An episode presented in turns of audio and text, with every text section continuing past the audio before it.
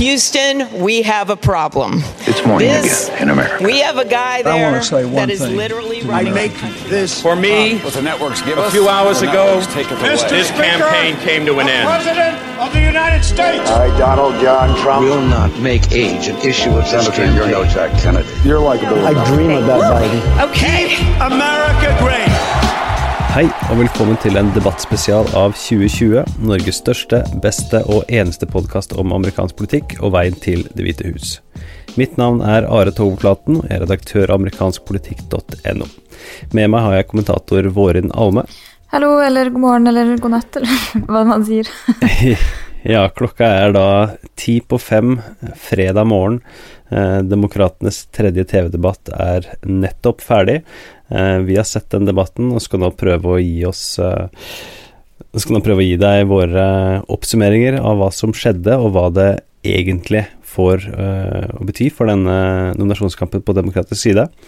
Eh, før vi gjør det, eh, så kan vi nevne at vi er på Patrion, der dere som hører på og som leser amerikanskpolitikk.no, kan støtte oss med noen få dollar i måneden, sånn at vi kan satse på prosjektet her. Og i løpet av sommeren så har vi fått med oss mange nye støttespillere. Det er veldig stas, så tusen takk til Jan, Marte, Marius, Håvard, Carl, Henrik, Gard, Åsmund og Vegard. Og forhåpentligvis så får jeg enda flere å nevne i kommende episoder. På patreon.com ampol så kan du lese mer om hvordan du kan støtte driften og satsingen på det prosjektet her. Så, Vårin, eh, hvis du skulle skrevet en eh, overskrift i en nettavis etter denne debatten her, hva hadde det blitt? Annet enn at den var ekstremt lang. nei, nei da. Men altså, den, den første store eh, debatten mellom demokratene har gått eh, av stabelen. Eh, og vi har noen store vinnere. Um, og noen tapere. Så Jeg er spent på å høre du, hvem du trekker frem som uh, i de to Ja, kategoriene. altså jeg, Mine forventninger da, til denne debatten, det var uh, for det første at vi Dette var første gang uh, vi fikk de store forhåndsfavorittene samlet på én debattscene samtidig. Så jeg var spent på hvordan den dynamikken kom til å spille seg ut. Men jeg var også eh, veldig spent på hvordan debatten ville se ut når du har fått eh, plukket ut de kandidatene som faktisk har en reell sjanse. Det var jo ti kandidater her som, som var med, istedenfor da 20, ikke sant, på, fordelt ut på to netter. Eh, og, og jeg tenkte at nå får vi en helt ny dynamikk, fordi at de kandidatene som ikke har så mye å tape, altså de som gjør det såpass dårlig på meningsmålingene og på andre måter dårlig, de er ikke med. Um, men det var en jeg glemte, og det, det var eh, Julian Castro. For jeg synes liksom, Hvis vi skal snakke om vinnere og tapere, så kan vi begynne med taperne. Og for meg var han den store taperne i kveld. Jeg vet ikke hva du syns om det. Ja, for å sette, sette scenen litt her, da, så sto jo da Biden eh, midt på scenen. Han ligger jo også på toppen av meningsmålingene og på toppen av vår rangering av hvem som ligger best an i den demokratiske nominasjonskampen, som du finner på amerikanskpolitikk.no. Han er frontrunneren, eh, mens Julian Castro ligger da helt nederst på den lista, eh, blant topp ti, i alle fall. Eh, så han sto jo helt på kanten av scenen og hadde jo da tydeligvis eh, bestemt seg sammen med sine rådgivere før denne debatten at eh, i Houston, i din hjemstad Texas, så skal du angripe Biden, eh, og du skal si at han har glemt hva han sa for to minutter siden, nesten uavhengig av hva han sa for to minutter siden, eh, for å se hva, hva Biden eh, da gjorde. Fordi Castro gikk jo da ganske stygt etter Biden, og vi kan jo høre et lite utdrag av akkurat det her. They do not have to buy in. They do not have to buy in. You just said that. You just said that two minutes ago. You just said two minutes ago that they would have to buy in. it. You said Their they would have to would buy have in. to buy in. If she I- qualifies are you- for are you forgetting what you said two minutes ago? being for it. Are you forgetting already what you said just two minutes ago? I mean, I can't believe that you said two minutes ago that they had to buy in, and now you're saying they don't have to buy. You're forgetting that. I that. said anyone I mean, like your look, grandmother who look, has no money. We need she a would- healthcare system. You're automatically that enrolled. automatically Så jeg vet enrolls ikke om vi skal people. omtale det som et eh, eh, s- senilangrep eller eh, du er en gammel mann, du er ikke kar nok for den jobben her, eller hva det skulle være, men eh, det framsto som eh, smålig, eh, kalkulert, eh, og det får jo alle disse eh, skriveriene rundt Castro som en mulig visepresidentkandidat i 2016 for Hillary eh, bringer i hvert fall de tilbake for meg. Da en av tingene som ble nevnt, var at han var for kalkulert og for lysten på jobben, og det var veldig tydelig at han var veldig tydelig at han her hadde lyst til å felle en mann for å fremme seg selv, og det, det skilte han litt fra resten av kandidatene på scenen, på, hvert fall måten han gjorde det på. Ja, uh, jeg syns det var direkte stygt. Det var en sånn, uh, en sånn type signaleffekt der. det var mange ting han sannsynligvis prøvde å, å røre ved, da. det at Biden er oppe i alderen, er jo én ting, men men så er det jo også denne flip-flopping-hintingen, og, og, han, Castro kom jo flere ganger tilbake igjen til angrep mot Biden gjennom debatten. Så det var helt åpenbart mm. at eh, det var hans uh, det var hans strategi. Det minnet meg litt om Marco Rubio mot Christie bare det, i 2016. bare det at Da svarte jo faktisk Chris Christie ekstremt effektivt, og endte jo opp med å virkelig gå utover Marco Rubio, og det tror jeg kanskje at dette her vil gjøre mot Castro også.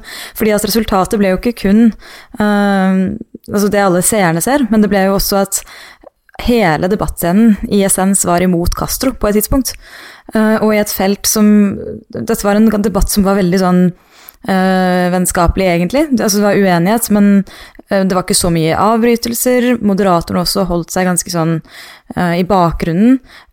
man fikk lov til å komme med argumentene sine. så skilte Castro seg ut som en som var litt sånn ufyselig og litt sånn kranglevoren og splittende, rett og slett. Og jeg tror bare ikke det var den riktige tonen her. Nei, og, men altså på sikt så er, det jo, er jo dette noe eh, mange demokrater med rette er bekymra for. Altså Biden, hans alder, mm. er han virkelig klar for dette? Eh, og Sånn sett så kan man jo si at Castro da spiller en eh, stikker kniven i ryggen på vegne av mange andre kandidater som da ikke gjør det foreløpig. Um, men Biden hadde samtidig en tidvis meget god debattopptreden, uh, og på en mm. måte som på en måte understreker uh, hvor ufine uh, Castros angrep var, da, hvis vi ser sånn rent personlig sett, uten å gå inn på policy. og det ble understreka i Bidens siste svar, der han nok en gang snakka om motgang og Eh, alle lidelsene han har vært igjennom med tap av kone, eh, to barn eh, osv., som var ektefølt. Og det er ingen som er så god til å snakke om lidelse på en debattscene som det Biden er, og det gjorde han her. Og da, da framsto i ettertid angrepet på Biden som en gammel mann, ufint, som du er inne på. Men han fikk noen, noen aldersriper i lakken, om vi skal si det på den måten, men da kanskje litt mer på en sånn litt sånn artig ting som nevnes på Twitter. Så måtte han snakke om at folk hører på platespillerne sine på kvelden og sånt. Ja. Men uh, jeg har en platespiller hjemme, uh, det har kanskje du også, men uh, måten det blir latt litt på, at det er ikke nødvendigvis sånn de fleste hører på musikken om dagen.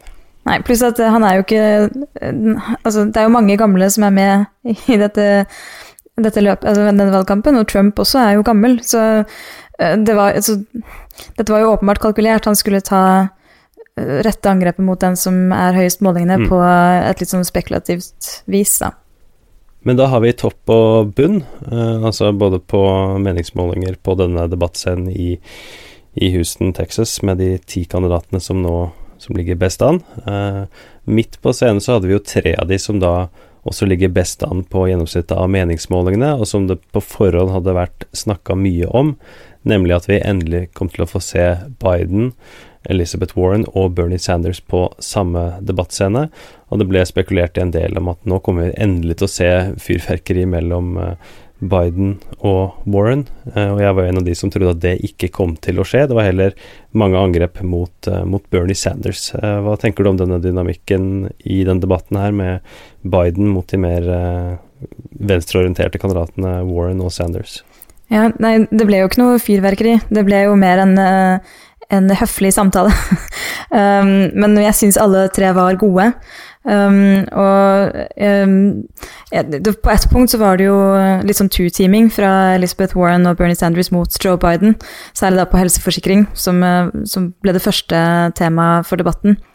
Uh, og der så man jo helt tydelig det jeg også mistenkte, at uh, Bernie Sanders og Elizabeth Warren kommer til å være ekstremt forsiktige med å stå Altså, de vil fortsette å stå sammen. Uh, og det må jo være Nå vet jeg ikke om de har snakket sammen om det, eller om det bare er en litt sånn stille pakt de har, men at de tenker vel at det er vel én av dem som kommer til å stå løpet ut og være venstrefløyens kandidat. og da må da må den kandidaten, eh, for å ha noen som helst sjanse, eh, få den andre kandidatens eh, følgere bak seg også. Um, så det gjenstår å se. Kanskje det kommer en eller annen dyp splittelse på veien, men så langt så, holder de to sammen, og de går ikke etter hverandre. Ja, og det som skiller Sanders fra Warren, er jo hvordan de takla denne helsereformbiten. Eh, der Sanders ble rød i ansiktet, engasjert og litt sånn oppheta mot, mot Biden, Um, så var Warren rolig og beherska. Uh, og det forteller også historien om at det var mange andre kandidater som, som gikk til angrep på Bernie, mm. ikke på Warren. Så han får pilene i ryggen, mens hun foreløpig får stå nokså nok så fritt på debattscenen, og det kommer hun til å tjene på. Så sånn sett så er det uh, foreløpig en strategi som ser ut til å fungere bra for, uh, for Warren, uh, og NBC hadde jo en, en sånn egen oversikt uh, underveis i denne debatten, der de så på hvem som blir angrepet i debatten. og der er jo da naturligvis Biden og Bernie de som har mottatt mest. men så er det noen, i hvert fall ifølge deres oversikt, som som ikke har blitt angrepet med navn, eller angrepet noen andre på debattscenen direkte. Og da er det da Cory Booker, Kamala Harris og Andrew Yang som skiller seg ut i, i så måte.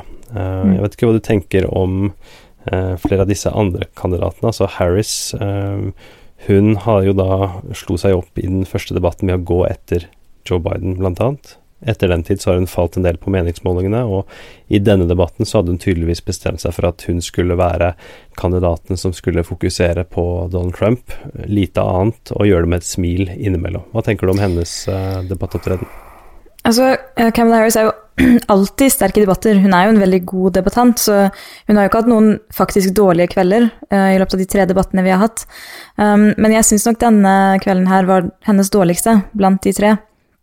Uh, og grunnen er egentlig at Jeg tror egentlig grunnen er at hun uh, kom litt skjevt ut av da forrige debatt, der hun valgte å gå etter uh, Biden på det hun, hun sa ikke var rasisme, men når hun valgte å da si 'I don't think you're racist', så, så, er jo det noe som ligger der og liksom lumer over det hele. Um, og, og, det har jo svekta henne på meningsmålingene.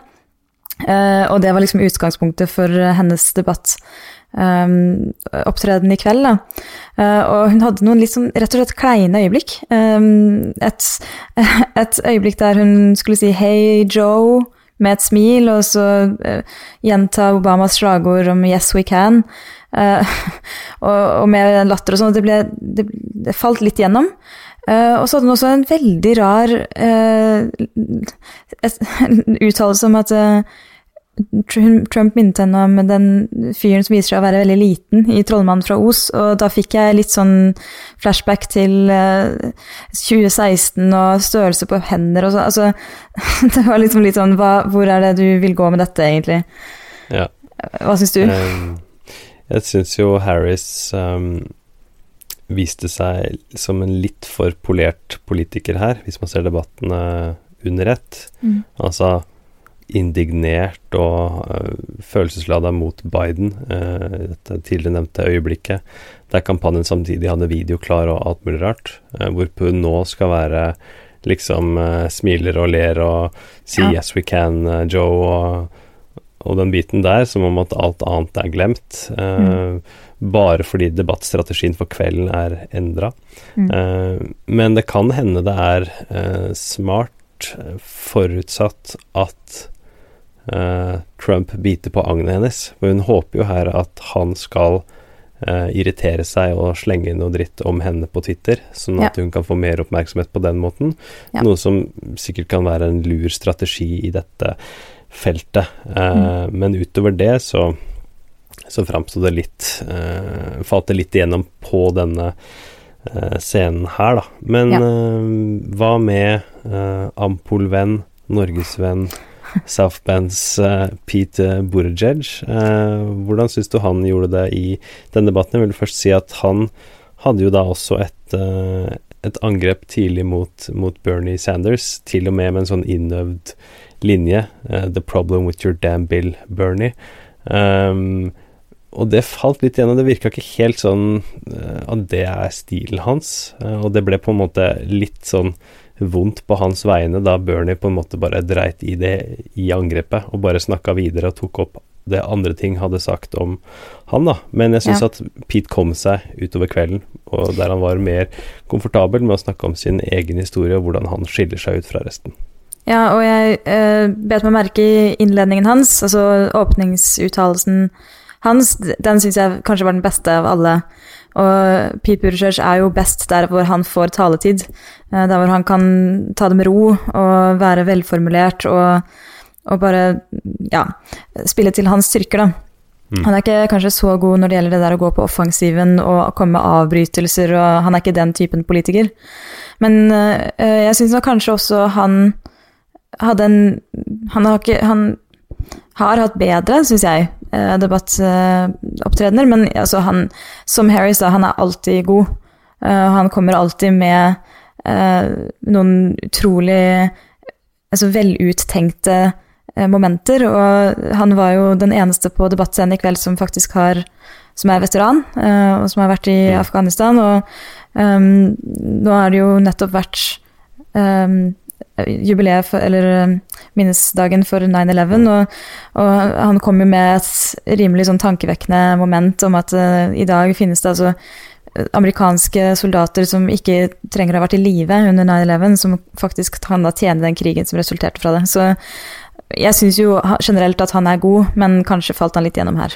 Ja, eh, og vi kan jo ta for oss noen av de andre kandidatene vi ikke har vært innom um, også. Beto O'Rourke, eh, tidligere kongressmann fra, fra Texas, um, han blir jo da rost av flere på scenen for sin håndtering av det som skjedde i El Paso, snakka engasjert om hva som må gjøres på våpenfronten i, i USA. Uh, men føler du han med denne debatten har klart å gjøre noe han ikke har gjort i tidligere debatter, at han er på vei tilbake i det her, eller er han fortsatt en sånn bra jobba i El Paso Beto, uten at det får noe mer å si for han i denne nominasjonskampen? Vanskelig å si, men min magefølelse sier vel at uh, dette var hans beste debattopptreden, uh, men mye fordi at han fikk såpass mye ros fra, fra, de andre kandidatene, til og med Julian Castro, som uh, hadde Beto O'Rourke som måleskive, skyteskive forrige debatt. Um, og det får ham til å se veldig sympatisk ut, og, men jeg vet ikke. Jeg, han er ikke den som virkelig klarer å skille seg ut da, i en sånn type debatt. Um, så jeg vet ikke helt om jeg tenker at dette hjalp ham. Selv her. Selv her. Og så har vi jo um, kandidaten som hadde kveldens eh, tørreste innøvde linje, som Altså noe jeg setter pris på. Tørr humor. Uh, Nå er jeg spent. eh, Amy Klobuchar i sin åpning sier 'Houston, we have a problem'. Oh, ja. I Houston. da smilte jeg. Tenkte dette må jeg skrive ned. Men det slo ikke helt an i, i debattsalen, hørtes det ut som, da. Uh, hun hadde også sånn derre 'While Bernie wrote the bill, I read the bill', uh, ja. osv. Uh, jeg syns hun um, tidvis gjør en god jobb som et sånn moderat alternativ på, på scenen. Jeg syns hun viser at hun hører hjemme der, samtidig mm. som uh, det er mange kandidater foran henne i, i, køen, inkludert i denne fila med moderate kandidater, der også Pete Buttigieg hører hjemme. Hva tenker du om henne og hvis vi i tillegg kan si noe om Cory Booker og, og, Andrew Yang, som vi ennå ikke har vært eh, inne på. Ja, altså jeg synes jo egentlig Det var mitt første inntrykk gjennom hele debatten frem til Castros uh, flaue angrep mot Biden. At det, altså denne debatten, det, den var god, altså. Den, det var mange som gjorde gode opptredener, og jeg syns Amy Klobuchar var en av dem. Uh, hun uh, Det var ikke sånn at hun liksom skilte seg veldig ut blant de andre, i og med at det var såpass mange gode, men men allikevel, hun fikk gjennom noen gode poenger og eh, fremsto på en god måte. Og hun, særlig kanskje på, på det kritiske spørsmålet hun fikk om sin, sin bakgrunn eh, fra Minnesota og arbeidet hun gjorde der, så syns jeg hun var veldig troverdig i sitt forsvar. Um, men så må det jo også sies at jeg syns Booker gjorde en kjempejobb. Det var hans beste debattnatt så langt. Ja, jeg synes Booker hadde en god, god debatt, uh, men jeg bet meg merke at han slet liksom med å komme i gang her. Altså, det var en lang debatt, og ikke veldig mange som ser hele den debatten. Mange som kunne få med seg øyeblikk i, i sosiale medier og nyhetsdekning senere. Så sånn sett syns jeg han gjør en god jobb. Spørsmålet er jo om han gjør nok for nå å få flere støttespillere i ryggen for å hoppe hel, lenger opp på meningsmålingene og sånn sett vise at han er en, en kar som skal holde det gående lenge. Um, og så er det jo Andrew Yang, um, som um, likhet med mange av disse kandidatene vi møtte i, uh, i Iowa, Henrik og jeg. Um, de som ikke har hørt spesialene våre fra Iowa enda, bør absolutt sjekke ut det. Eh, jeg syns han uh, Før debatten så leste jeg en uh, artikkel om hvordan han hadde forberedt seg her. Uh, han hadde bl.a. Uh, hyra inn skuespillere for å gjøre jobben som de andre kandidatene, istedenfor å benytte seg av sine egne medarbeidere eller andre politikere til å gjøre den jobben, som, som han vanligvis gjør. Um, jeg syns han tidvis gjør en god jobb, Yang. likte særlig det han sa om om utdanning. Uh, fikk god, fikk, god, respons der. Eh, men eh, Og han har jo en sånn Han har jo støttespillerne i ryggen. Han har klart å samle inn penger. Han har klatra på meningsmålingene. Han er en kar som kommer til å være der utover. hva tenker du om Yang? Ja, han hadde noen gode øyeblikk, men du glemte jo stort sett at han var der. Han fikk ekstremt lite taletid. Um, og prøvde seg liksom ikke i det hele tatt. Og etter å ha fått kritikk for nettopp det i de første debattene, så skulle man kanskje tro at han var litt mer offensiv, prøvde å ta ordet litt mer, da.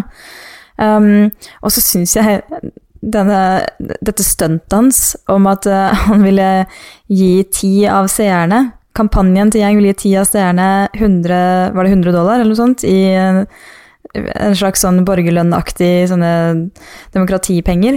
Eh, som et slags sånn en teaser da, på hva han ser for seg for hele landet. Men er ikke det litt problematisk å gi penger til seerne? Ja, altså Det har vært flere som har uh, spekulert i det. Jeg tror nok um, gjengkampanjen har uh, fintuna hva, dette, hva de faktisk har lov til og ikke lov til her. Um, men det er jo ja, Men det er likevel, da. Det er litt rart. Det er noe som ofte avskrives som en gimmick med gjeng, og det er nok også noe de hadde planlagt han skulle starte med. Det ble altså snakka så vidt om før debatten starta at han kom til å nevne dette uh, som noe som skulle gi ham ekstra oppmerksomhet da, i sosiale medier, blant annet. Ja. Uh, men uh, jeg syns absolutt han um, gjør en grei jobb. Du var inne på taletid. Han ligger helt på bunn i taletid, uh, og på topp med nesten ti minutter mer. så finner vi jo da Joe Biden. Så, mm. Men i antall spørsmål så klarte moderatorene å fordele det nokså jevnt til alle. Også da med unntak av mm. Biden, som fikk noen ja. flere enn de andre. Så kan vi jo bare til slutt nevne at uh, dette var jo en mye mer sånn uh, helhetlig debatt, da. Og det skal jo bare mangle, den var nesten tre timer lang. Men uh, en, en, temamessig enn de andre debattene har vært. For her gikk de altså gjennom helseforsikring, rasisme, våpen, innvandring, Kina og handelskrigen og nasjonale sikkerhetssaker som f.eks. Afghanistan og Venezuela. Innom eh, klimaendringer var det også innom utdanning, så det var ja, veldig mange klima. policyområder. Ja, og det uh, gir et veldig gir kandidatene muligheten til å vise sine styrker og på en litt sånn rettferdig måte, fordi at da får faktisk alle uh, snakket om de ulike punktene, og det er jo noen som faller gjennom her og der. Og så må jeg jo bare si at Bernie Sanders på utenrikspolitikk det, altså, Han er kjempegod når han snakker om Irak. Det var alle som står ved siden av ham og som har stemt for Irak-krigen, eh, de har en veldig ulempe. Og Joe Biden løste dette i denne debatten ved å si sånn Ja, du hadde rett, Bernie. Men nesten hver eneste gang Bernie Sanders får et spørsmål om utenrikspolitikk, så ender det opp med å handle om ideologi og uh, noe litt annet da, enn det spørsmålet var. Mens en kandidat som Elizabeth Warren, som kommer fra samme fløy, hun har det, der, den, det ordentlige grasp om utenrikspolitikk. Virker det i hvert fall som, da, ut fra debattopptredenene. Ja. Så hvis jeg skulle skrevet en, eh, en overskrift eh, som omfatter hele debatten her, så får du også høre hvorfor ikke jeg jobber eh, i en nettavis. hva med ny debatt, komma, endre lite? Det er et, eh, et, et forslag. det er en typisk sak du scroller gjennom for å si i lunsjen på jobben at ja, jeg så at amerikansk politikk ikke var så imponert. Ja, um, men hvis man skal ha litt mer klikk og litt sånn, så kan man eventuelt spille på Castro sitt angrep mot Biden. Biden. Uh, men altså, det kan man alltids ha med i denne saken, og vi har også vært inne på det i denne episoden av 2020. Kvart, klokka er nå kvart over fem fredag morgen. Um, og vi skal få den podkasten ut. Uh, vi setter, uh, som tidligere nevnt, veldig stor pris på de av dere som støtter oss på Patron med noen dollar i måneden. Da får du ekstra tilgang, spesialutgaver av podkasten, litt merch i posten, og i tillegg så får vi da muligheten til å satse på det prosjektet her. Skal sende en stor takk til eh, det vi da har omtaler som våre onkler og tanter i Amerika. Det er de som sponser oss med litt ekstra hver måned. Det er Karoline, Kenneth, Jan Christian, Eskil, Odd Sverre, Frank og Marius. Veldig stas. Og Vårin, nå skal du prøve å sove litt før du skal snakke om det her på radio, eller eh, hva er Ja. Prøve en liten time på øyet. Det, det høres uh, misunnelig av det. Jeg skal nå redigere det her, og så legge det ut. Uh, og de som uh, støtter oss på Patreon får også denne episoden her litt før alle andre. Uh, en morgen som det her, så er det uansett tidlig, så du får ingenting å si, vil jeg tro. Men til senere podkaster så får man det da litt tidligere enn andre. Ja. Men uh, Vårin, veldig stas å ha deg med. Like måte. Vi Så snakkes. godt, så snakkes vi. Takk. So, should more Americans, including those here in Texas and, and in Iowa, follow your diet? Um, you know, first of all, I want to say no. I, I- actually, I want to translate that into Spanish. No. Um,